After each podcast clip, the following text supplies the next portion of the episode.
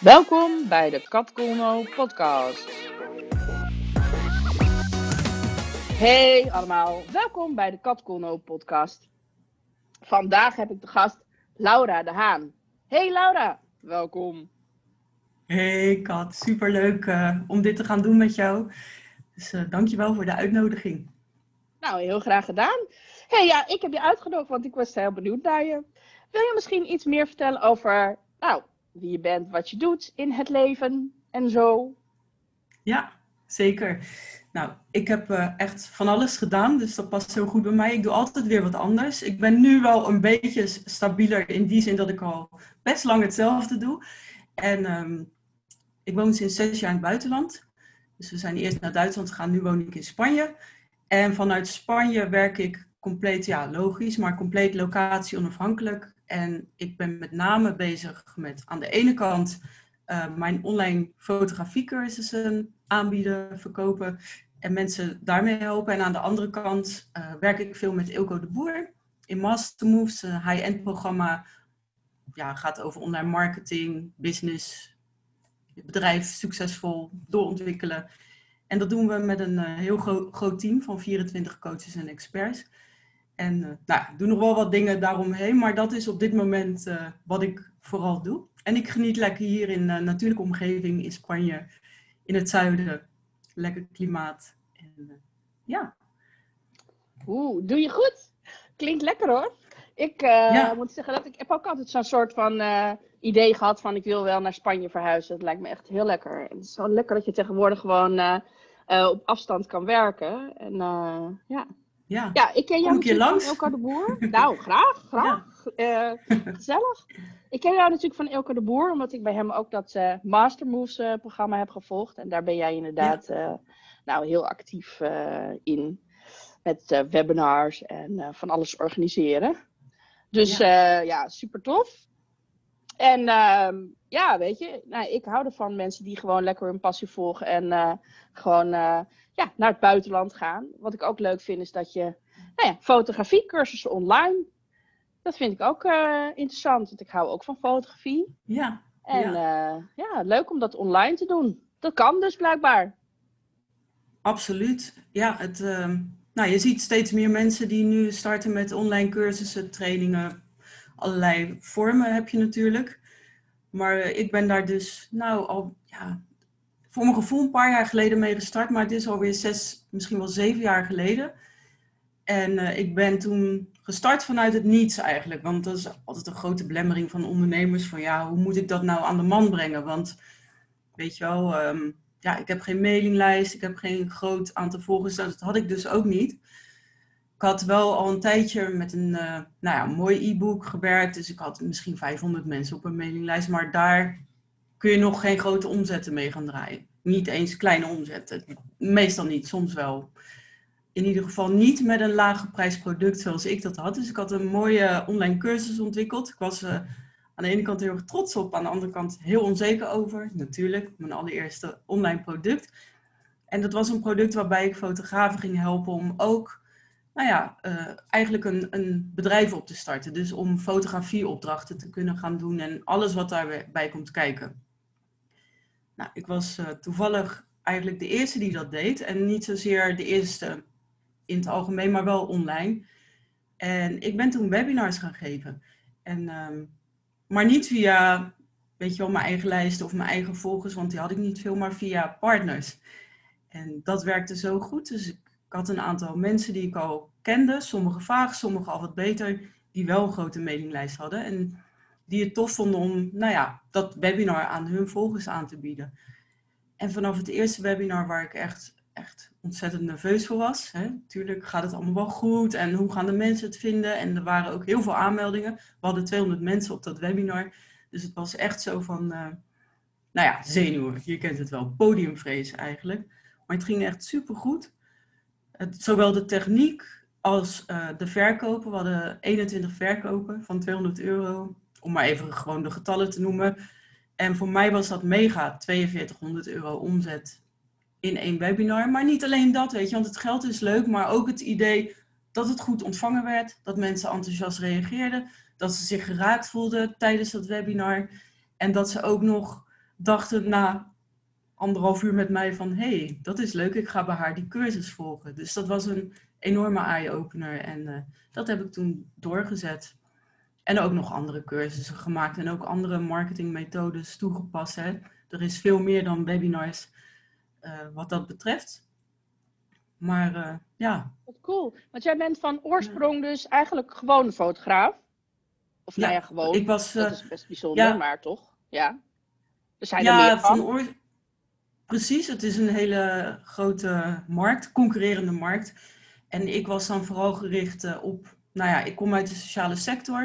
Ik heb meerdere dingen gedaan, maar dat was dan mijn laatste ding, om het maar zo te noemen. Een jaar of acht in die sector gewerkt. Gewoon een baan gehad. Niet een gewone baan, dus een hele aparte baan, maar wel in de zin van dat ik nog nooit ondernemer was geweest. En um, ja, toen ben ik eigenlijk, ik denk net als jij, gewoon uh, gepassioneerd geraakt over fotografie. Dus je gaat steeds meer fotograferen. En ik ging op mijn werk fotograferen. Ik ging allerlei activiteiten buiten op straat met jongeren, met sport. Weet je, allemaal leuke dingen ging ik fotograferen. En toen werd dat zo goed ontvangen. Iedereen vond dat zo leuk en mooi. En uh, nou ja, allerlei mensen gingen me ook helpen. Een goede vriend maakte een website voor me. Terwijl ik op dat moment nog niet eens het plan had om daar geld mee te gaan verdienen. Maar die zei gelijk van ik ga een website voor je maken dat moet je gewoon, eh, weet je wel, nou ja, eh, laten zien. En weer een ander gaf me op een gegeven moment een goede camera. Dus ook heel apart. Het was eigenlijk eh, ja, een vriend, collega. En zijn camera die was kapot. En toen had hij nieuw gekocht. En toen kwam hij erachter dat wat er kapot was eigenlijk een heel klein dingetje was om te maken. En toen had hij twee camera's. En toen zei hij van, ga jij maar lekker met die fotograferen. En nou, als je het wat vindt, dan hou je maar. Dus eigenlijk heel bijzonder als ik eraan terugdenk. Weet je wel, zo'n zo vrijgevige houding. Echt uh, heel leuk was dat. Nou, en toen, ja, die camera was alweer een stuk beter dan wat ik had. Maar toen um, raakte ik helemaal in de band van fotografie. En toen had ik zelf mijn eerste spiegelreflex gekocht daarna. Nou ja, als je fotografie niet kent, is het helemaal niet boeiend. Maar onder de fotografen in die tijd, weet je, dat is alweer een jaar of uh, twaalf, misschien wel vijftien geleden tijd gaat zo hard. Maar in ieder geval, toen ging ik helemaal los. En toen dacht ik, ik ga mijn baan opzeggen. Althans, eerst voor de helft. En dat, dat vond mijn werkgever goed. Dus ik ben parttime gaan werken. En parttime dus eh, in opdracht gaan werken. Ik had ook gelijk een hele grote opdracht voor de gemeente Rotterdam. Om straatdialogen te gaan fotograferen. Dus groot in de zin van dat ik gelijk heel veel momenten kon gaan fotograferen. Waar ook een redelijk bedrag tegenover stond. En dat gaf mij weer de mogelijkheid om uh, nou, mijn portfolio te ontwikkelen, mijn uh, netwerk te ontwikkelen, maar ook ervaring natuurlijk. En ook een stukje geld om weer natuurlijk nieuwe dingen te gaan kopen.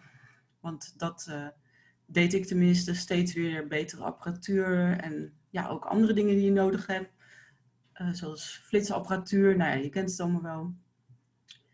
En toen ehm, ja, toen ging het eigenlijk los. Toen kreeg ik steeds meer opdrachten, ging steeds meer doen. Ik heb ook heel veel als vrijwilliger altijd gedaan. Vooral binnen die sociale sector. Om nou ja, gewoon mensen te leren kennen, ervaring op te doen. Weet je wel, um, portfolio weer verder te ontwikkelen. En uiteindelijk daar ook opdrachten uit te krijgen. Dus um, toen heb ik na een jaar mijn baan opgezegd. En uh, dat was heel spannend ook weer. Maar goed, je moet echt gewoon risico's durven nemen om verder te komen in het leven. En sindsdien is mijn mindset ook helemaal uh, veranderd. Weet je wel, als je eenmaal dat soort stappen een paar keer hebt genomen, dan kom je erachter dat er gewoon heel veel mogelijk is. En dat je, als je gewoon doorzet, lef hebt, inzet, uh, ja, voldoende inzet hebt om ook al die dingen te leren en zo, dan komt het wel goed. Dan ga je dat aantrekken, komt het in ieder geval allemaal op je pad. En je herkent het ook omdat je ervoor open staat. Dus je Weet je wel, je hebt natuurlijk dat mooie boek The Secret en daar heb ik ook wel wat mee. Maar het is niet alleen maar het aantrekken, maar ook gewoon het herkennen van kansen. Waar andere mensen ze, niet zullen zien omdat ze er bijvoorbeeld niet in geloven of er niet mee bezig zijn. Dat dat zo kan werken. Dus, uh, nou ja, dat, dus, en zo ben ik jarenlang blijven fotograferen. Maar toen ben ik ook al snel, na een paar jaar fotograaf zijn, ben ik ook tegengekomen op internet. En hem gaan volgen en een traject gaan volgen bij hem, een coaching traject van een jaar. Heel veel geleerd over online marketing, webinars, al dat soort dingen.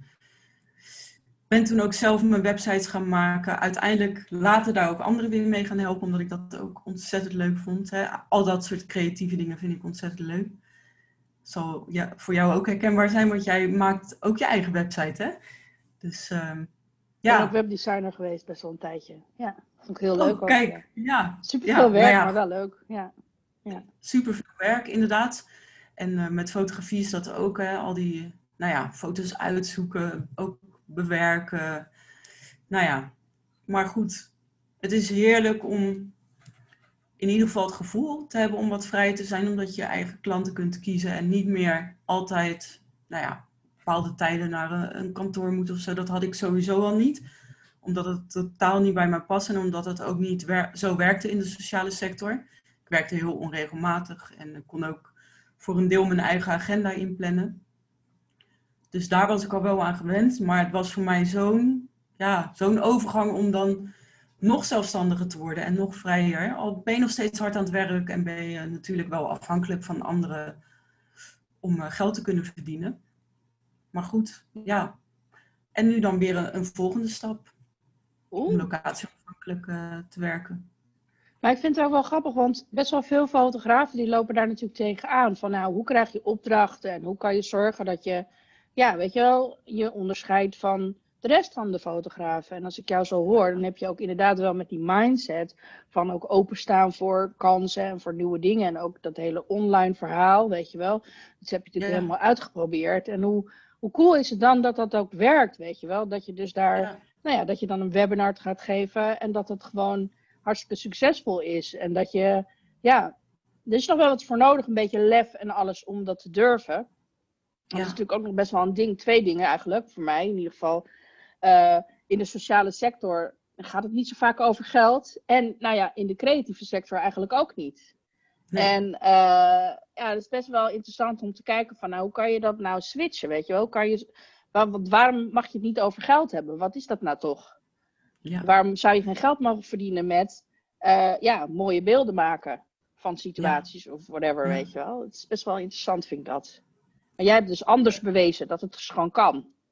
Ja, maar ik zal er wel bij vertellen dat dat een proces is. En dat, ga, dat is een, voor mij ook een enorm proces geweest. Dus uh, de juiste prijzen durven vragen en ook uh, niet meer onzeker erover zijn. En ik heb gemerkt bij vrijwel alle nou ja, startende fotografen die ik heb gekend of die ik heb geholpen, dat wij, hebben als mensen, als we iets creatiefs doen, geven we een stukje van onszelf eigenlijk. En uh, net als een kunstenaar, of, of nou ja, noem het allemaal maar op, een designer. Het is echt een stukje van jezelf. En mensen zijn op een of andere manier vaak onbewust zo bang voor afwijzing. En als je iets dan voor gratis doet of voor heel weinig, kan je bijna niet afgewezen worden. Terwijl, ja, als je dan ook nog veel geld voor vraagt of gewoon een normaal bedrag voor vraagt, dan wordt het wel heel spannend. Plus dat we ook altijd ehm, ja, het idee hebben dat het gewoon niet goed genoeg is wat we geven. En dat slaat helemaal nergens op, maar dat zit zo diep in de mens. Heb ik gemerkt, hè, als je mensen goed leert kennen en ze durven open te zijn, dat dat er altijd achter zit. Niet goed genoeg en het is heel persoonlijk wat je geeft. Het is iets anders dan wanneer je een webshop hebt in uh, Playborstels of zo, maar wat te zeggen. Dat is niet zo persoonlijk en dat heeft gewoon een bedrag en dat staat op een webshop. Maar online producten van jezelf of foto's, websites, stukje van jezelf is dat, ja. Ja, dat, mooi dat, hoe je dat uh, zegt, ja. Ja. Ja. En dat, nou ja, voor mij was dat echt een proces van jaren, dat je eigenlijk steeds zelfverzekerder wordt en ook uh, op, op een andere doelgroep durft te gaan richten en merkt dat je een stukje kwaliteit levert waar wat tegenover mag staan. En wat heel belangrijk is, sowieso met alles wat je doet als ondernemer, is dat je het goed kunt uitleggen aan een potentiële klant daarom zeg ik ook vaak van, ja, om zomaar tarieven op een website te zetten, dat kan tegen je werken, want je moet iets heel goed kunnen uitleggen, zodat mensen de waarde inzien en dat het dan niet zo'n groot bedrag meer is wat er tegenover staat. Zoals je zomaar iets op je website zet tegen een hoog bedrag, dan schrikt dat mensen gelijk af. Dat is tenminste ook mijn ervaring. Cool. Dus, uh, dat, is een goede, dat is een goede tip meteen ook. hey, en uh, we gaan nog even door over geld. Want ja, de podcast gaat over rijkdom, maar in de brede zin van het woord. Maar het gaat ook over geld. Wat heb jij van huis uit meegekregen over geld? Ja, dat, uh, daar heb ik vaak over nagedacht. Ook omdat ik op een gegeven moment, als je dat pad van persoonlijke ontwikkeling opgaat, en dan kom je allerlei mensen tegen, zoals bijvoorbeeld een T. Harv Ecker, die, daar heb ik nog wel zo'n driedaagse event van gevolgd in Nederland. Dus hij heeft het dan over de millionaires mindset. En dat gaat vooral allemaal om dat te veranderen, je mindset over wat heb je geleerd vanuit je jeugd. En ik heb denk ik twee dingen geleerd. Aan de ene kant was bij ons wel altijd genoeg.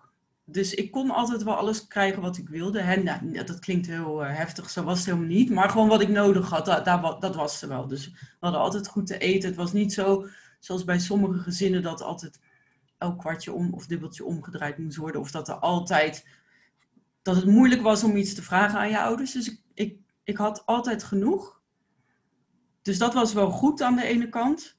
Aan de andere kant was het ook wel dat bijvoorbeeld van mijn vaders kant zijn ouders waren er behoorlijk rijk. In de, in de zin van dat mijn opa goed had geboerd met zijn bedrijf. Ze waren niet verschrikkelijk rijk, maar ze zaten er goed bij. Ze hadden ook een goed huis, een mooie auto, et cetera. Maar ehm, het waren niet zulke vriendelijke, ja dat klinkt zo vervelend. Het waren niet de meest vriendelijke mensen. Ze waren heel erg gericht op uiterlijk vertoon, op prestatie. Ook heel gierig. Ze zouden niet bijvoorbeeld snel iets aan een goed doel geven. En ik weet nog dat mijn moeder altijd zoiets had van, ja, ze hebben genoeg, maar mijn oma om een nieuw jurkje te krijgen, dat kan er niet af. Weet je, dat soort dingen. Dat, en dat is altijd zo in mijn hoofd blijven hangen.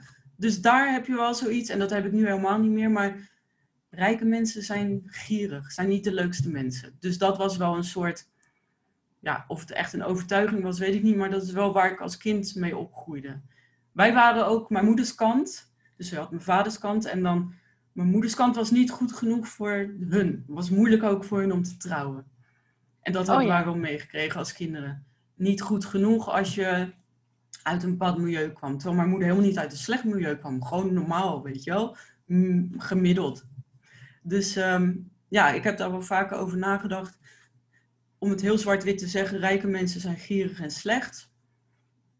Maar er was altijd genoeg voor ons. We hadden het wel goed thuis, ja.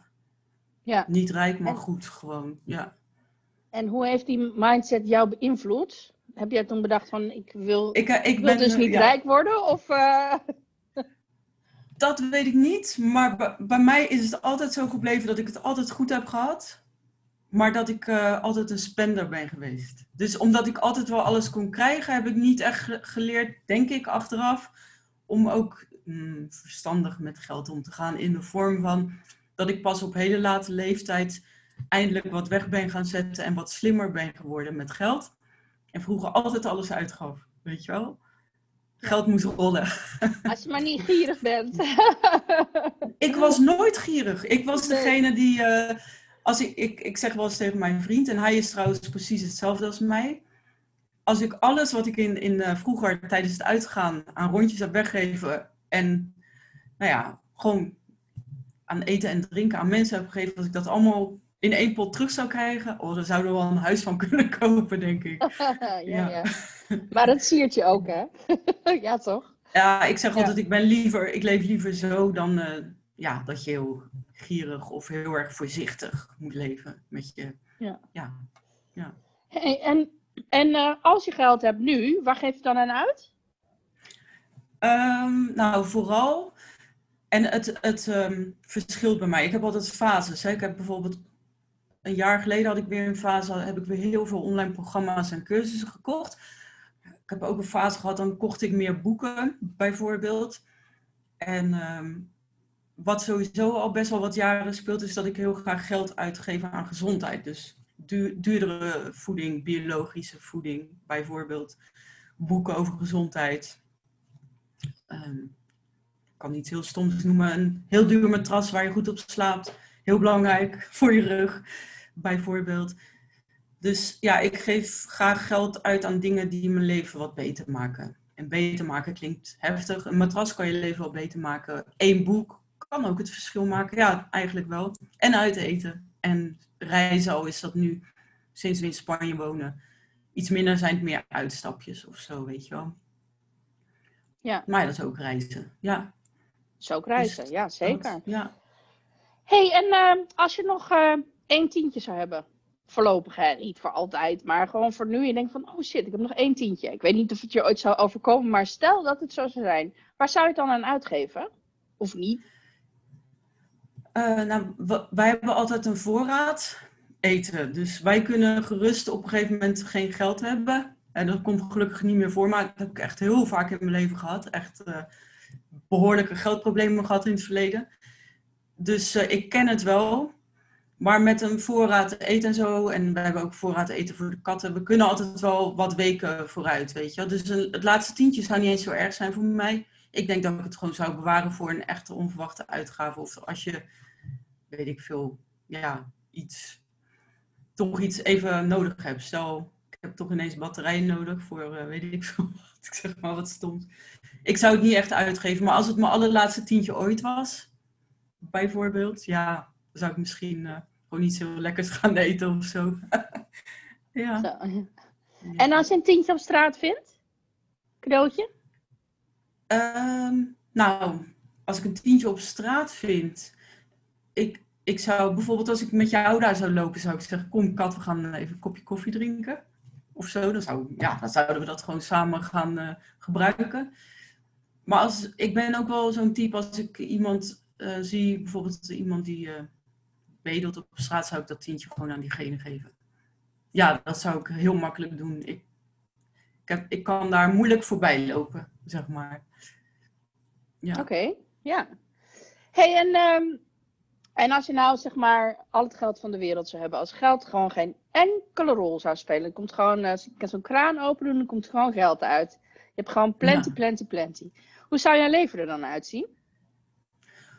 Zo, ja, ik zou wel uh, een beetje hetzelfde leven, denk ik. Dus op, gewoon op een heerlijke plek ergens, maar dan in een eigen huis natuurlijk. En want nu hebben we tot nu toe steeds gehuurd, omdat we dan nog niet zeker waren van waar willen we nou precies gaan wonen. Of misschien willen we wel weer gewoon door, weet je wel. We zijn vaak verhuisd sinds we in het buitenland uh, wonen. We hebben eerst in Duitsland gewoond, ook al drie huizen gehad. Dus um, ja, ik zou wel een heel mooi eigen plekje kopen. En ik zou bijvoorbeeld heel veel aan uh, goede doelen voor dieren geven of zelf daar iets in opzetten. Doe ik nu ook wel, maar kleinschalig, weet je wel. Dus, dus dat meer. En uh, verder zou ik wel, ik vind het hartstikke leuk de dingen die ik doe om mensen daarmee te helpen, weet je wel, met ja, bepaalde trainingen of adviezen of met zo'n masterteam. Uh, met, met Ilko, daar helpen mensen gewoon echt heel goed mee. Het is hartstikke leuk om te doen. Ik denk niet dat ik daarmee zou stoppen. Maar je weet het pas als je echt dat geld hebt natuurlijk, wat je dan zou doen. Maar dat is wat ik denk. Dus een, een beetje hetzelfde leven, maar allemaal wat beter en nog meer aan goede doelen geven. Of gewoon, nou ja, al het geld van de wereld, dat zou wel leuk zijn, want dan zou ik de hele wereld kunnen veranderen. Toch? Dan, ja. Uh, ja, dan kunnen we nog wel even over doorfilosoferen. Maar laten we dat maar niet doen. Maar in ieder geval zou ik het ook niet helemaal, helemaal compleet anders doen. Ik heb wel hard gewerkt al die jaren om een soort fijn leven met veel vrijheid te kunnen creëren. Ja, cool. Ja. Fijn toch? Dat het dan, weet je, dat het eigenlijk niet heel erg hard nodig is. Best wel nee, chill. Nee, ja. Ja. ja. hey, en, um, en um, wat maakt jou rijk? wat mij rijk maakt is vooral het gevoel van vrijheid. En als mensen zijn we natuurlijk nooit helemaal compleet vrij. Wat is nou compleet vrij zijn? En we hebben elkaar allemaal hartstikke nodig en zo. Dus we hebben altijd verantwoordelijkheden naar elkaar toe en verplichtingen, et cetera. Maar ik denk, als je kijkt naar de wereld en hoeveel mensen leven, is de mate van vrijheid die ik, maar ook jij bijvoorbeeld, heb, bereikt, is heel groot. Weet je? Voor een groot deel kunnen we onze eigen keuzes maken kunnen we zelf bepalen hoe laten we uit ons bed komen. Met wie we wel of niet afspraken maken. Of voor of met wie we wel of niet willen werken. En ik, ik zou elke dag de vrijheid hebben om lekker hier naar buiten te gaan. Wat ik ook heel vaak doe. Een wandeling te maken in een natuurlijke omgeving. Weet je wel? En ook weer de keuze te hebben om hier weg te gaan. Hoeveel mensen zitten niet vast ergens op, op een moment dat het heel slecht wordt op die plek. En dat kan van alles zijn, een milieuramp, een oorlog of wat dan ook. Dus als hier in onze omgeving iets heel slechts gebeurt, hebben wij tenminste, zolang we niet vast komen te zitten, want er was hier ook een extreme lockdown, toen zaten we letterlijk vast. Maar even los daarvan, normaal gesproken hebben wij altijd de mogelijkheid om heel snel weer weg te gaan als het niet meer bevalt. En dat is echt vrijheid. Dus dat je je letterlijk kan bewegen in de richting die jij wil. Kleine schaal op grote schaal. En dat maakt mij uh, vrij, denk ik. Of uh, rijk. Rijk. Vrij Vrijheid en is rijk. heel belangrijk. Ja. Ja. Het is, het is, het is Ja. maar net hoe je, het, hoe je het beschouwt natuurlijk. Rijkdom kan je, in zoveel, kan je op zoveel manieren interpreteren. Maar Ja. voor mij is het ook vrijheid. Dus ik, eh, ik snap het helemaal wat je zegt. ja. En ehm, jouw, ehm, ja, ik vind het ook leuk om het even over inspiratie te hebben. Dus ik Ja. was benieuwd naar jouw favoriete boek. Heb jij een favoriete boek of all times? Ja, maar dat is misschien niet wat je zult verwachten. En ik heb, weet je, ik denk daar wel vaak over na. Ik heb heel veel boeken altijd gekocht. Maar wat ik vroeger altijd las, zeg maar in mijn jeugd, eh, als kind, jeugd, puber, dat waren hele mooie boeken. Jeugdboeken die mijn moeder ook altijd voor me meenam. Want mijn moeder is een boek, boekenworm, die werkte ook op een bibliotheek. Heel veel afgeschreven boeken kreeg ik, of boeken die we leenden. En er zijn twee boeken me altijd bijgebleven. En dat is Kruistocht in Spijkerbroek van Thea Beckman. Dat is echt vrijwel iedereen die, die van lezen houdt, kent dat. Heeft dat gelezen. En ik weet nog dat ik bij mijn oma was in Groningen.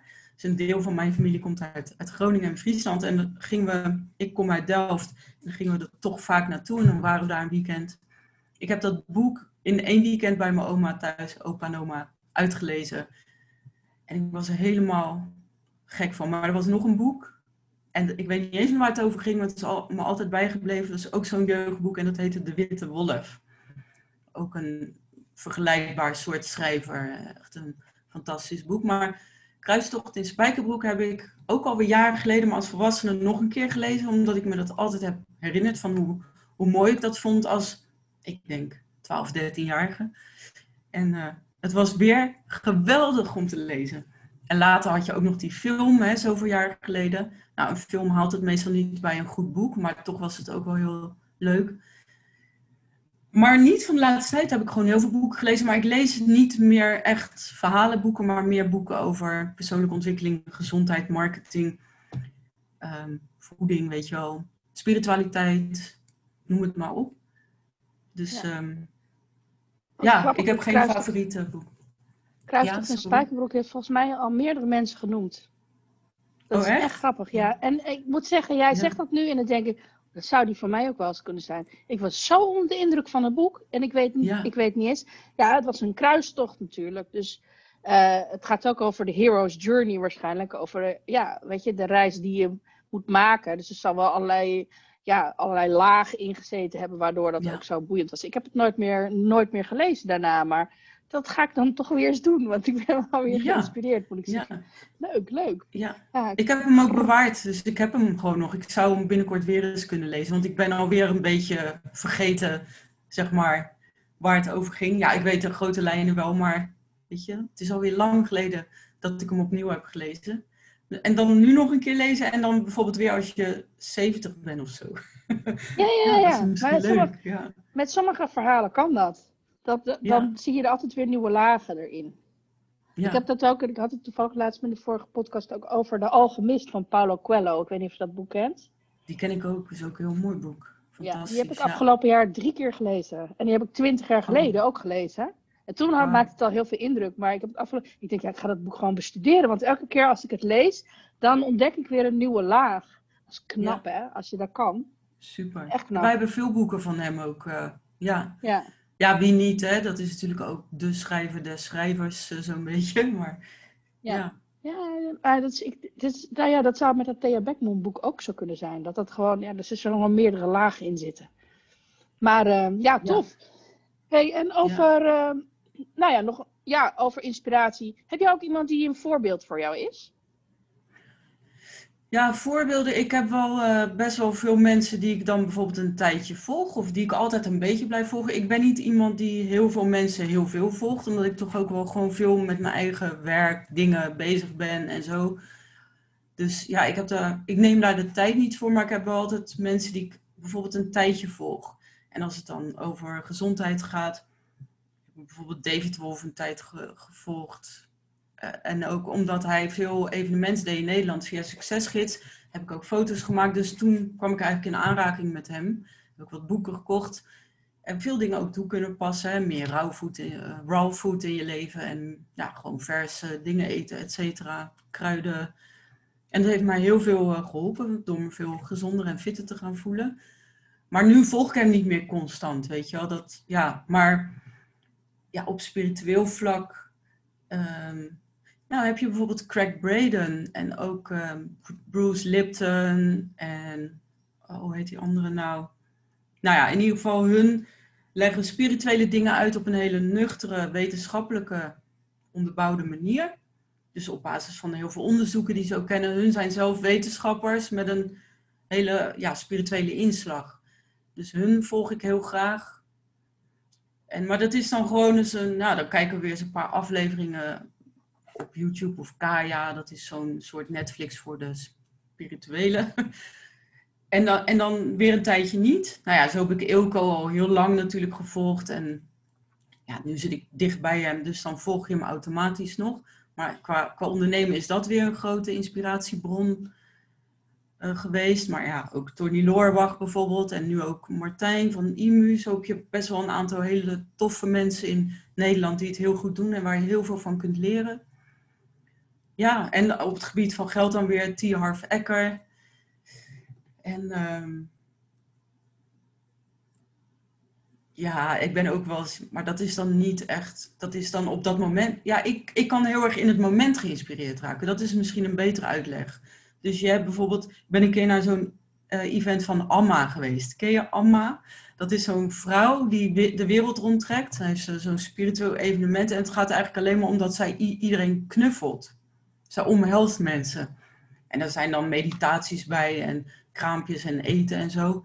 Maar wij we hadden gewoon zoiets leuk. We gaan eens een keer kijken wat het is. Ja, mensen zijn enorm door geraakt. En het enige wat zij doet in haar leven is dus reizen en mensen omhelzen. Ja, op zo'n moment raak je dat en ben je daardoor geïnspireerd. Zoveel liefde. Maar ik ben haar niet gaan volgen verder of zo. Om, om nou constant te zien hoe zij mensen omhelst. En ja, zo heb ik dus vaak dat ik spontaan iets tegen kan komen. Of, of ook in real life bijvoorbeeld al onze coaches uit het masterteam zijn hele mooie mensen. En op het moment dat hun in actie zijn, denk ik, ja, kan me dat raken en ben ik dan geïnspireerd. Ja, is dat ja. voldoende uitleg? Nou, dat is zeker voldoende ja. uitleg. Vind ik ook heel grappig, want, ja, want dat is natuurlijk ook een beetje, ja, weet je, soms kan je fan zijn van iemand en dan een soort van alles, ja, alles eten wat diegene serveert, om het zo maar te zeggen. En soms kan je inderdaad ook gewoon even zo aangaan op iets. En het kan dan gewoon inderdaad iets zijn wat je dan op dat moment nodig hebt. Maar ik vind het wel leuk dat je zegt van nou, ik ga die nieuwsgierigheid. Ja, je bent dan eigenlijk nieuwsgierig van hé, hey, uh, wat zou dat nou zijn? Weet je wel, zo'n vrouw die, ja, die iedereen gaat knuffelen. En ja. dat, dat is dan tof dat je daar dan bij bent geweest. En dan kan je toch weer denken van, oh ja, oh, nou weet ik hoe dat is. En ja. ja. dat wil niet zeggen dat je heel de wereld rondreist om, uh, om overal knuffels op te gaan halen bij haar. Dat snap ik dan ook alweer. Maar ja, dat vind, ik vind het wel grappig, want dat is vanuit een soort, soort fascinatie dan, uh, een nieuwsgierigheid. En dan ga je dat even onderzoeken. Ja. En uh, ja. ja, dat is leuk. Het is leuk om je op die manier te laten inspireren natuurlijk. Ja, ja. Ja.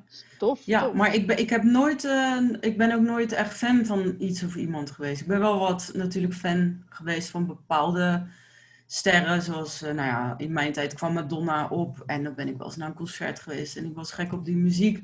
Dus ik was een soort fan, maar ik ben nooit fan van iemand geweest dat dat mijn leven ging beheersen of dat ik flauw zou vallen als ik iemand in het echt leven zou zien. Ik ben vrij nuchter. Dus ik heb ook nooit voorbeelden die ik adoreer of zo. Dat ken ik niet echt. Nee. er is ook niks mis mee als je dat wel hebt. Ik, ik, bedoel niet dat dat slecht of goed is, maar dat is voor mij niet ja. echt uh, van toepassing. Ja, maar dat ja. zegt wel iets over jou. Dat is grappig. Vind ik leuk, mm -hmm. dat soort dingen. Ja. Um, en um, ja, als ik jou echt zou kennen, wat zou ik dan, uh, wat zou ik dan over jou weten? Uh, nou, bijvoorbeeld dat ik, uh, ja, weet je, ik eh, ben er niet, niet echt mee bezig. Ik leef, nou, dat ik heel erg mijn eigen leven leid en heel erg, heel erg op vrijheid gesteld ben. En eigenlijk een grote hekel heb aan allerlei regeltjes ik, ik ga meer uit gewoon van goede intenties, zowel bij mezelf als mensen in mijn omgeving. Wij hebben niet allemaal stomme regeltjes nodig. Ik vind dat de wereld nu helemaal overladen is met stomme regeltjes, overal. En ik blijf daar het liefst zo ver mogelijk bij weg. En uh, ja, dus daar heb ik niet zoveel mee. Ik, de, ik zou liever uitgaan van goedheid, goede intenties van de mens en samen gaan we er iets moois van maken. Dan uh, is het misschien een beetje idealistisch of utopisch, of hoe zeg je dat? Maar zo zit ik meer in elkaar, ja. Ja. Dus... Uh, Mooi. Ja. En um, wat zie jij als jouw uh, grootste levensles of grootste inzicht? Of een groot inzicht? Ja, nou ja, in ieder geval als ik kijk naar waar ik, ja, het zal alweer 15 jaar geleden zijn, waar ik toen stond en nu, is dat er gewoon heel veel mogelijk is. En ja, ik ben echt niet zo'n uh, bijzonder voorbeeld vergeleken met heel veel andere mensen die echt, weet ik, wat allemaal niet bereiken. Maar als je gewoon kijkt wie ik toen was en in wat voor problemen ik zat en zo, en wat mijn mindset was en waar ik nu sta, dan er is gewoon van alles mogelijk als je ervoor gaat, als je durft te kiezen, als je over je onzekerheden durft te stappen en ook de juiste inzet hebt. Je moet er wel wat allemaal voor doen, maar er is gewoon heel veel mogelijk.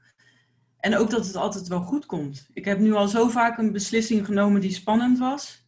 Maar het komt wel goed, ook als het niet goed gaat. Ik heb ook beslissingen genomen om dingen te gaan doen die niet goed hebben uitgepakt. Maar dat is niet zo erg. Weet je wel, je kan je van tevoren dan helemaal gek maken met dat het heel erg zou zijn als datgene fout gaat. Maar dat hoeft helemaal niet. Het is allemaal niet zo erg. Het komt altijd wel weer goed. Het komt wel goed, zeg ik altijd ook tegen mensen. Ja, dat is het eigenlijk. Ja, maar dat is natuurlijk wel op zich, als je het niet ervaren hebt, dat, dat, ja, als je het niet uitgeprobeerd hebt, dan weet je het sowieso niet. Dus dan ben je misschien wel uh, aan het lijden voor het lijden dat je vreest, zullen we maar zeggen. En als, je dus, als je dus een verkeerde keuze maakt, dan weet je in ieder geval dat dat de keuze niet was. Dus heb je wel een antwoord. Ja. Zoals je niet kiest, dan gebeurt er niks. Ja. Dan blijf je gewoon zitten waar je zit. Dat is ook niet ideaal. Dus ja, waarom zou je dan niet het risico nemen om een verkeerde keuze te maken? En dat dan in één keer een goede is. Ja, ja, maar ik denk dat we onszelf en al onze gevoelens veel te serieus nemen, weet je wel. Het, het kan allemaal wat luchtiger en ga gewoon lekker uh, doen wat je hartje ingeeft en go with the flow. En ja, richt je op groei. En durf gewoon fouten te maken. Er zijn eigenlijk geen fouten, maar durf stappen te nemen die niet altijd goed uitpakken. Ja. Ja, ja ik denk dat als je het één keer meegemaakt hebt, dat, dat je er dan anders in staat of zo. Dat je gewoon weet van, oh, ik overleef dit gewoon. en dat je dan denkt van, oh, oh, nou ja, goed, dan is het niet zo erg, weet je wel. Terwijl, ja, je kan je van tevoren zo druk maken. Ik vind dat heel interessant. Ik heb, daar heel, ik heb er zelf heel, heel veel last van, gehad, vooral in het verleden. Dat ik zo veel bezig was met wat als dan, dit dan, hoe, ja. En dan gewoon niks doen. Nee, dat is, ook, niet, dat is ook niet de oplossing. En uh, ja, dat gaat eigenlijk een beetje over veerkracht, volgens mij. En ik ben daar een boek over aan het schrijven. Um, dus ik vraag altijd aan iedereen die ik interview, vraag ik van, um, wat denk jij dat veerkracht is? En kun je dat leren? Nou, kijk, ik weet dat ik, ja, dat ik zo in elkaar zit dat ik veel veerkracht heb, omdat ik niet zoveel moeite met veranderingen heb. Want veerkracht is eigenlijk gewoon goed omgaan met veranderingen. En flexibel zijn en gewoon overal je weg weten te vinden. En overal eigenlijk het beste van maken. Dat is het, denk ik. Maar of je dat kunt leren, ja, ik denk het wel. Maar ik weet ook ondertussen wel dat mensen wel echt verschillend zijn. We zijn niet allemaal ongeveer hetzelfde. En iedereen kan even makkelijk met vrijheden omgaan, bijvoorbeeld. Of met het, ja, het ondernemen. Dat is ook niet voor iedereen weggelegd. Sommige mensen zijn gewoon zo diep uh, onzeker. Ja, dan is Weet je wel, dat je misschien van werkplek verandert binnen je eigen kantoor al een mega stap of zo. Dus kun je het leren? Ik denk het wel door het gewoon te doen dat je daar steeds makkelijker mee omgaat. Maar hoe makkelijk dat voor, voor iemand wordt, ja, dat zal per persoon verschillen, denk ik. Ja. Ja, ja mooi. hey, en um, we, zijn bijna, we zijn bijna aan het eind van het interview. Maar ik ben ook altijd heel nieuwsgierig naar wat lees jij, luister jij en kijk je op dit moment? Ja, ik heb. Ehm, ik, nou, ze liggen hier toevallig op mijn bureau, dus ik zal het je even laten zien gelijk. Ja, kom maar door. Ah, half Miracle Morning. Want dat is wel een uitdaging voor mij. Ehm, ik ben eerder, nou vroeger ging ik altijd heel laat naar bed. Ik was echt een avondmens, dacht ik, vond ik. Voelt, zo voelde ik dat en ik ik ging goed in de nacht qua werk. Weet je wel, in de middag bijvoorbeeld fotoopdrachten en in de avond bewerken, aan mijn website werken, et cetera. Nieuwe dingen leren. En dan was het zo weer één uur of twee uur of nog later. Maar ja, zeker nu de laatste jaren. En daarvoor al, mijn vriend was sowieso wat anders. Ze zijn nu eh, iets van zeven jaar samen. Dus ja, dan ga je al meer op elkaar afstemmen. Plus dat ook in, in het werk wat ik doe, is het gewoon handiger om vroeg op te staan en gewoon s ochtends productief te zijn. Maar dat was wel een, een overgang voor mij. En nog steeds ben ik niet een echte vroege opstaander, zeg je dat zo? In ieder geval, ja, ik sta liever om acht uur op dan om vijf uur. Nou wil ik ook niet om vijf uur opstaan, maar ik heb wel gemerkt als je vroeg opstaat en dan de tijd voor jezelf neemt, dat het gewoon een heel fijn begin van de dag is. En dat het gewoon goed werkt. Dus ik, eh, daar werk ik aan. En dan heb ik er nog twee, is misschien ook leuk. Nou ja, de online marketing Tornado van, Tornado, uh, ja. van Tony en Martijn van uh, IMU.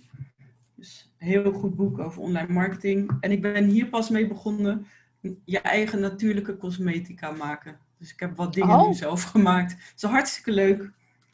Gewoon uh, bijvoorbeeld uh, douchegel. Of uh, je kan alles, je kan letterlijk alles zelf maken, maar de kwaliteiten van, ja, dat moet je even afwachten of je dat bevalt. Maar tot nu toe gaat het wel goed. Ik heb al een shampoo zelf gemaakt. Een lipgloss, oh, cool. die is ook heel goed gelukt. En sommige dingen die, die, zijn wat minder goed gelukt. Maar ik vind dat wel... Ik doe altijd weer wat nieuws en dan doe ik het een tijdje en dan stop ik er weer mee. Of het wordt een onderdeel van mijn leven. En bij deze weet ik het nog niet. Oh, leuk. Maken. Maar ja. de, met baking soda toch? Daar kan je heel veel mee doen. Ja, oh, ja. ja, ja. daar kan je bijvoorbeeld tandpasta hebben. Met, ja, dat zijn inderdaad basisingrediënten die ik nu heb. En amandelolie bijvoorbeeld. En uh, nou, ook gewoon water en uh, natuurlijke zeep raspen en dan verwarmen. Dan krijg je dus de basis voor een douchegel. En dan kun je er nog wat dingen doorheen gooien om het wat, ja, bijvoorbeeld... Uh, beter voor je huid te maken of beter smeerbaar, et cetera. En zo kun je, heb je allerlei recepten. En de basis vind je wel op internet, dus dat heb ik gewoon met Google gedaan. En dan kun je dus daarin nog wat verder gaan door zelf te gaan experimenteren. Bijvoorbeeld met een lekkere etherische olie erin. Of ja, nou ja, je kunt letterlijk elk ingrediënt bestellen online. Dus ik heb twee grote webshops hier gevonden waar je echt alles kunt bestellen wat je maar in een uh, natuurlijk product kunt gooien. Dus, uh, oh, cool. Ja, je kan misschien ja. wel zelfs bij jou in de omgeving zitten denken. Daar staat natuurlijk heel veel uh, aloe vera daar in Zuid-Spanje. In de tuin hier. We hebben best wel ja. veel in de tuin staan. Ik heb ja. die gekocht laatst bij de Ecoplaza in Amsterdam. Zo'n heel groot uh, zo'n zo'n zo'n blad van de aloe vera. En die kan je dan in stukjes snijden. En dan kan je dat, dat, die gel, die kan je dan op je gezicht smeren. En dat is een soort natural, uh, ja, een soort van nou, je, wordt, je voelt je meteen, je huid wordt helemaal lekker strak. Ik en, zie het uh, ook, je ziet er stralend uit. Ja, het is echt, uh, nee, ik heb het al een tijdje niet meer gebruikt. Maar, maar ik vond het echt wel, dat ik dacht, nou, zo simpel is het. En als je verbrand bent, schijnt het ook heel goed te werken. Dus nou ja. ga ik niet vaak in de zon, maar nou ja, weet je, dat soort dingen. Het is wel grappig, want ik heb toevallig gisteren zitten, zitten googelen. Want ik wou, ik dacht, ik wil een soort van, uh, ja, dat noemen ze dan een aura spray. Dat vind ik dan een beetje, een beetje te, te wazig. Maar een soort van ja, iets van een soort van verstuiver voor in huis, voordat je lekkere geur kan hebben. Maar dan, ja, zeg maar heel natu naturelle geur. Ja. Maar wel lekker. Ja. En uh, dus toen zat ik te zoeken, maar dat was nog best moeilijk te vinden. Dus, uh, nou ja, ja, misschien staat het wel in jouw boek. Nou, ik, ik heb wel zoiets gekocht hier op een markt. Je hebt zo'n heel leuk markt hier in de buurt. En er staat dan ook zo'n uh, zo'n dame met wat van die, nou ja, kristalletjes en zo, wierookjes. En ook, nou ja, dat soort dingen.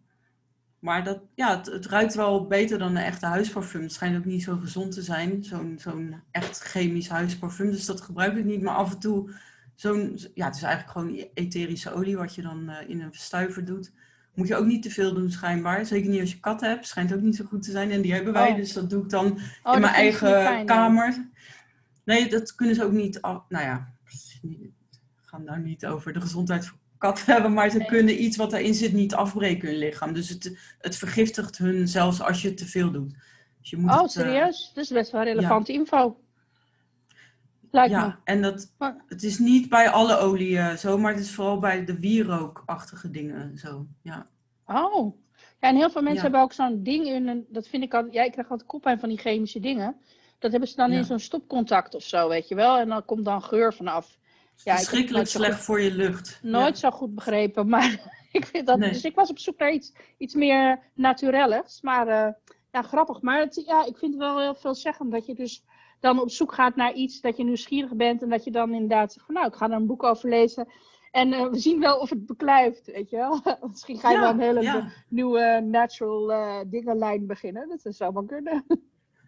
Dat zou ook nog kunnen. Sommige dingen lopen uit de hand, zoals fotografie hè, en websites doen. En nou ja, nog wel wat dingen in de loop der jaren. Maar, en sommige dingen blijven gewoon bij een tijdelijk iets. Of, of iets wat je dan af en toe doet. Dat, bij dit kan ik me voorstellen dat ik dat nou niet constant ga doen. Maar dat ik af en toe in het weekend of zo eens een keer het gevoel heb van... hé, hey, ik ga weer een beetje kokkerellen en uh, shampoo maken of zo. Ja. ja, ik heb een tijdje van die tandpasta van baking soda gemaakt. Ik vond het topspul. Ik vind het beter dan ja. uh, van, die, van die vieze tandpasta, van die chemische tandpasta. ja, dat, uh, ja. Dus, uh, en, en ja, ja, ik heb heel lang geen shampoo gebruikt. Ik heb nu een soort van, ik heb nu ook een soort na natuurlijke shampoo. Daar krijg ik dus zo'n haar van, van het hele droge. Dus dat werkt niet voor mij. Dus dan moet ik weer op zoek naar iets anders met meer kokosolie erin. Want anders wordt het gewoon, dan krijg je zo'n koeshaar. Dus, maar het is wel interessant om daar naar op zoek te gaan. Gewoon van, nou weet je, alternatieven. Uh, Want ja, al die dingetjes uit die potjes en zo. Vreselijk goor, goor spul is het eigenlijk allemaal. Laten we wel wezen. Ja, ja en jij ik ben, jij ben daar al... Uh, ja, nee, ik wou zeggen, ik ben daar al heel lang van op de hoogte. Dus ik probeer dan de beste producten te kopen. Maar zelfs dan, als je op die lijstjes kijkt en je googelt het, zijn dat ook niet allemaal hele goede ingrediënten. En als je zelf met kokosolie, aloe vera en baking soda een tandpasta kunt maken bijvoorbeeld. Of een, zelfs een deo. Hè, dat, baking soda werkt ook goed voor deo. Ja, het, het, bespaart geld, maar los daarvan is het veel gezonder. Dus het kost even wat tijd. Maar zelfs dat valt wel mee. Het is gewoon even mengen en in een potje doen en je hebt het. Dus, ja. ja. Het, vooral het, het, langer, het langer kunnen bewaren. Dat, is denk, dat, was mijn grootste uitdaging, denk ik. Daar had ik een beetje te veel gemaakt. Nou ja, leuk. Leuk, inspirerend hey, uh, Laura, ben ik nog iets vergeten te vertellen over jou? Wil je nog iets, nog iets kwijt? Over wil jezelf? nog iets kwijt? Um, eens even denken, wil ik nog iets kwijt? Ja, ik heb denk ik de belangrijkste dingen wel gezegd. Zoals ik in het leven sta, is gewoon, gewoon doen. En het komt allemaal wel weer goed. Betekent niet dat je altijd uh, bij de eerste de beste impuls iets moet doen. Hè. Natuurlijk moet je dingen even laten inweken. Of als je je onzeker over voelt, nou, ga eens met mensen over praten. Of ga inderdaad eh, een bepaald boeken overlezen. Of video's bekijken of wat dan ook. Maar ga er in ieder geval mee aan de slag. En als het te spannend is, doe een heel klein stapje. Bijvoorbeeld, bijvoorbeeld mensen die ondernemer willen worden, maar dat te eng vinden. Je hoeft het niet van de een op de andere dag te doen. Je kunt dus een kleine stap zetten in die richting. Door cursus erover te kopen en dus te gaan, of eens te gaan praten met een paar ondernemers van wat betekent dat nou om ondernemer te zijn? Of om iets naast je werk te gaan doen. Iets, weet je wel, stel je wil heel graag coach worden, maar je durft het niet aan. Nou, ga een coachopleiding doen en vraag dan aan je werkgever of je minder uren kunt werken, zodat je één of twee dagen per week dat kunt opbouwen. Bijvoorbeeld. Weet je, het hoeft niet altijd zomaar van, nou, ik ga ervoor en de volgende dag uh, heb je geen baan meer en ben je ingeschreven. Maar zet in ieder geval die stappen, dan komt het wel naar je toe dat is ook altijd een motto. Dat is nog niet aan bod geweest, inderdaad. Kleine stappen, uh, kom je altijd bij je doel. Dat is altijd beter dan niks doen. Ja, mooi advies. Mooi advies. Ja. Hebben, we nog, hebben we nog andere tips? Of, uh... mm. Ja, niet direct. Ik denk dat de belangrijkste dingen wel uh, aan bod zijn geweest. Ja, en, en nou ja, het is niet heel. We hebben het een beetje over gezondheid gehad, maar echt gezondheid is. Ja, dat, we vinden allemaal onze gezondheid het allerbelangrijkste, maar heel weinig mensen zijn daar echt serieus mee bezig. En we denken allemaal dat het het lot is wat bepaalt dat we een bepaalde ziekte krijgen. En dat, dat kan voor een deel zo zijn natuurlijk, maar voor een deel hebben we het ook in eigen hand door gewoon goed voor onszelf te zorgen. En dan heb ik niet alleen over voeding, maar uh, vooral stress is heel belangrijk. Dat je stress reduceert, of in ieder geval ontstrest. En goed slapen, natuur, goede lucht, al dat soort dingen.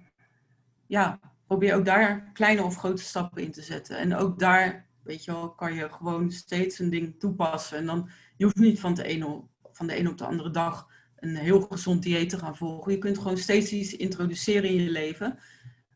Bijvoorbeeld uh, een smoothie, een gezonde smoothie. Als je dat elke dag moet nemen, is toch niet zo'n grote opgave. En dat betekent niet dat je nooit meer iets slechts kan eten, maar dat je iets goeds toevoegt. En uh, een maand later voeg je iets anders toe, of je laat iets weg, nog belangrijker. En zo gewoon steeds weer een nieuwe stap. Ja. Er is niets belangrijkers dan, je, dan de gezondheid, zowel geestelijk, lichamelijk als spiritueel, van jezelf en je omgeving. Dat is gewoon het allerbelangrijkste. Toch? Helemaal mee eens. Helemaal mee eens. Ja, en als je ondernemer jij bent... ook een goed voorbeeld daarvan. Van steeds weer een stap nemen op weg naar een, een betere gezondheid. Steeds weer een onderzoekje doen op een bepaald vlak om, uh, ja, om hier vooruit te komen. Ja, want ik ben mijn bedrijf en als ik me niet goed voel, dan kan ik ook mijn werk niet doen. Ja, zo simpel is het gewoon. Dus, uh, dus dat is ook als je, als je ondernemer wil zijn. Ja, ik vind wel dat het er een beetje bij hoort ook. Dat is ook een soort verantwoordelijkheid nemen. En ik, heb, ik merkte bij mezelf, ik heb best wel lang heb ik dat niet gedaan. En uh, ja, als je, dan wel, als je het dan in één keer wel doet. En inderdaad, wat je zegt, slechte gewoontes inwisselt voor goede gewoontes. Ja, weet je, als je een jaar verder bent, moet je kijken waar je dan staat. Dat is ongelooflijk. Ja. ja. Dat is gewoon zo cool. Kijk, eh, op het moment dat je begint, dan kan je nog niet weten wat het effect op lange termijn is. En dan zou je misschien kunnen denken van, nou, ik ga het niet doen. Maar als je dan een jaar later terugkijkt, denk je, jeetje mina, wat is er allemaal gebeurd? Ja. En dat kan zo'n ongelofelijke shift zijn, dat je, ja, dat is echt super gaaf. Dus ik vind dat een heel mooi tip van jou. Ja, en, en sta, sta je ook niet, um, ja, sta je niet dood op van die zegt dat en die zegt dat. Want elk lichaam. Is, kijk, bepaalde dingen gelden wel voor iedereen, maar bepaalde dingen zijn echt voor jouw lichaam wel relevant en voor een ander weer niet. Elk lichaam heeft zijn eigen probleempjes of, of dingen waar die goed op gaat. Voor mij bijvoorbeeld is het heel belangrijk om echt zo weinig mogelijk suiker en gluten te eten. Dan voel ik me gewoon veel fitter zodra ik een paar weken dat weer eet energie die lekt gewoon elke dag een beetje meer weg. Dat is gewoon bij mij heel duidelijk. Nou ja, dan weet ik dat. En dan kan ik er nog voor kiezen om het wel te eten. Maar dan is het in ieder geval een bewuste keuze. En eh, zo is het voor een ander, die, die, die heeft daar helemaal geen problemen mee. Maar die heeft weer, ja, weet ik veel. Met, uh, ik eet dan geen vlees. Daar ga ik goed op. Een ander moet juist, dat nou ja, moet er misschien niemand. Maar gaat daar weer wel heel goed op om heel veel vlees te eten. Dus ja, Weet je wat, het is voor iedereen anders. Dus dat moet je voor jezelf gaan uitzoeken waar jij goed op gaat, wat bij jou past. En uh, nou, het gaat niet alleen om voeding, het gaat om veel meer. Ja, maar dat is een hele zoektocht. En uh, ja, weet je, dat is ook gaaf om, je om daar tijd in te investeren. Ja. Want dat, dat komt eruit. Als je eenmaal weet hoe je werkt, hoe jij specifiek werkt, ja, dan heb je gewoon heel veel voordeel van. En, dan, en ja, ik heb best wel een tijdje lang gewoon gesetteld voor les eigenlijk. Ik heb gewoon geaccepteerd van, nou, dit is wat het is en het gaat niet beter worden als dit. En op een gegeven moment dacht ik, ja, maar wat is dat nou voor klets? En toen had Eelco een heel mooi verhaal over dat hij één ding had veranderd. En dat was dan, uh, hij was met zijn gezondheid aan de slag gegaan. En dat had dus het hele verschil gemaakt. En toen dacht ik, ja, jeetje, zo, dat is ook gewoon waar. Zo werkt dat. Ja. En, en dan ja, moet je dus misschien soms best rigoureuze keuzes maken. Maar ja, weet je, dat werkt gewoon. En toen dacht ik van, ja, weet je, uh, ik heb gewoon niet alles gedaan. Maar ik weet niet dat het voor mij werkt. Dus ja, dan moet je dus, nou, de zoektocht beginnen naar wat werkt dan. Nou ja, en dan ga je elke keer weer dingetjes afstrepen. Oh, nou, dit is voor mij niet zo'n heel goed idee. Nou, en zo kom je langzaam maar zeker kom je tot een soort van formule die voor jou werkt. En dan ga je die gewoon heel vaak doen. En dat, ja, dat is dus precies wat het is. Mooi uitgelegd. En ik denk waar mensen ook, dat is weer die, die beperkingen van onze gedachten. Dat we zo, dus iemand die nu zich niet zo goed voelt en weet van ik leef niet zo gezond, die denkt misschien nu, oh, moet ik dat allemaal gaan doen? Maar zie het als een reis, als een, een soort avontuur waarin ja, jij gewoon steeds dingen gaat onderzoeken en en zie het als iets wat jou beter gaat maken. Als iets positiefs en niet als iets wat zwaar is of moeilijk of veel tijd gaat kosten. En maar dat is eigenlijk met alles, weet je. Als je het is puur jouw, jouw visie of jouw gedachte op iets wat het makkelijk of moeilijk maakt. Ja, en, en wat, wat, ik heel erg, wat ik heel erg had, is ik vind het heel lastig om met iets te beginnen. Dus uh, dan heb ik me voorgenomen van ik ga lopen, elke dag, zoveel stappen. Maar dan heb ik geen zin om te gaan. Hè? Dan zit in mijn hoofd allerlei discussies van ja, zal ik maar wel gaan? Hm, misschien moet toch niet, want, hm, want dit of dat, zou dat. Nou, zo'n hele. Dus, dus vast, er zijn vast meer mensen die dat hebben. En, oh, maar ehm, als je eenmaal begint te lopen, dus je gaat toch gewoon de deur uit zonder die discussie serieus te nemen. En je, gaat, je begint te lopen. Nou, de eerste tien minuten, dan heb ik er meestal echt nog geen zin in. Maar dan in één keer, na twaalf minuten, dan ben ik gewoon aan het lopen. En dan gaat het gewoon lekker. En dan vergeet ik helemaal dat ik er geen zin meer in had. En dan ga ik er lol in hebben. En dan kijk ik een beetje rond en denk, oh, de stof zegt, oh, leuk bloemetje, leuk dit, leuk dat. Oh, het is lekker weer of het is shit weer, maakt niet uit. Regen kan ook heel leuk zijn als je aan het wandelen bent, gek genoeg. En um, ja, weet je, en dat, en dat is eigenlijk hetzelfde wat je er straks zei over het ondernemersproces. Weet je, die opstartfase, ja, dat is gewoon hartstikke spannend. Maar als je eenmaal aan het lopen bent en je weet van, ah, ik ga een beetje die kant op. Ik ga gewoon kijken wat er gebeurt. Ja, weet je, dan ben je aan het lopen. En van dat proces, daar kan je gewoon onwijs van genieten. En die wandeling, die wordt dan in één keer toch ook heel leuk. En alles wat je daar dus op tegenkomt. De mensen die je tegenkomt, mensen waar je inspiratie vandaan haalt, uh, boeken die je leest, inzichten die je krijgt. Uh, ja, weet je, dat allemaal bij elkaar. Ja, het, het gaat letterlijk stromen als je start en stappen neemt. En ja, dan, dan ben je bijna niet meer te stoppen. Ook als je eenmaal eraan geproefd hebt of, of hebt gemerkt iets werkt. Of maar goed, tegelijkertijd ook als het dan niet werkt, de kracht om wel door te gaan, weet je. Altijd gewoon weer die volgende stap zetten. Altijd. Dat is eigenlijk het enige, ja, het is ook een uh, bekend uh, spreekwoord of, of een bekende uitspraak. Maar het enige verschil tussen een ondernemer die faalt en een ondernemer die succesvol wordt, is dat diegene die faalt is gestopt en die andere is doorgegaan. Dat is het enige verschil. Weet je wel, je moet gewoon doorgaan. En wat succes is, dat is voor iedereen anders. Dat hoeft ook helemaal niet in geld te zitten. Weet je, dat kan dan zijn dat jij gewoon zelfstandig een uh, modaal inkomen weet te genereren en daar trots op kunt zijn en gewoon leuk werk hebt. En voor de ander is het miljoenen verdienen, dat maakt allemaal niet uit. Maar het gaat er echt om dat je gewoon altijd doorgaat en weet dat, uh, dat het wel goed komt. Ja. Cool. Mooi. Hey Laura, waar kunnen we jou vinden als we jou, uh, iets meer over jou willen weten? Nou, ik heb sowieso een, uh, ja, een website op laura.nl, dus gewoon mijn voornaam.nl. En um, op Facebook, Laura Daan, dan vind je me. En natuurlijk op ja, LinkedIn en Instagram. Ik moet wel zeggen dat ik uh, daar niet heel actief ben geweest al heel lang. Omdat ik, nou ja, net als met het waar we het over hadden, volgen van mensen. Ik focus vooral op werk wat ik doe. En uh, ik heb dat verwaarloosd, letterlijk. maar ja, dat is uh, een keus. Dus, maar Facebook ben ik wel een beetje actief en, um, ja, en mijn website. Dus dat zijn de beste dingen op dit moment. Cool. En, ja. Voor onder andere online fotocursussen. Oh, wacht, die, die website noem ik niet eens. Dat is fotografieuitdaging.nl. Laura is gewoon, uh, ja, ja, tuurlijk. Dat is eigenlijk mijn, uh, mijn website met alles rondom fotografie. Fotografieuitdaging.nl, klopt. Cool. Zetten we die nog even in de show notes, al, al jouw uh, linkjes. En ehm, ja, ik wil je bedanken voor dit toffe gesprek. Heel inspirerend ja, jij ook. En ja. ja. leuk om meer over jou te leren. Leuk.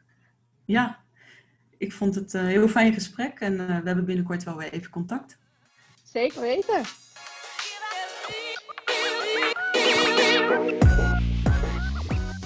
Dankjewel voor het luisteren naar deze podcast. Mocht je willen connecten of meer informatie willen hebben, dan kan je me vinden op LinkedIn en op Instagram, katkolno, met twee aan het eind. Tot de volgende keer. Ciao.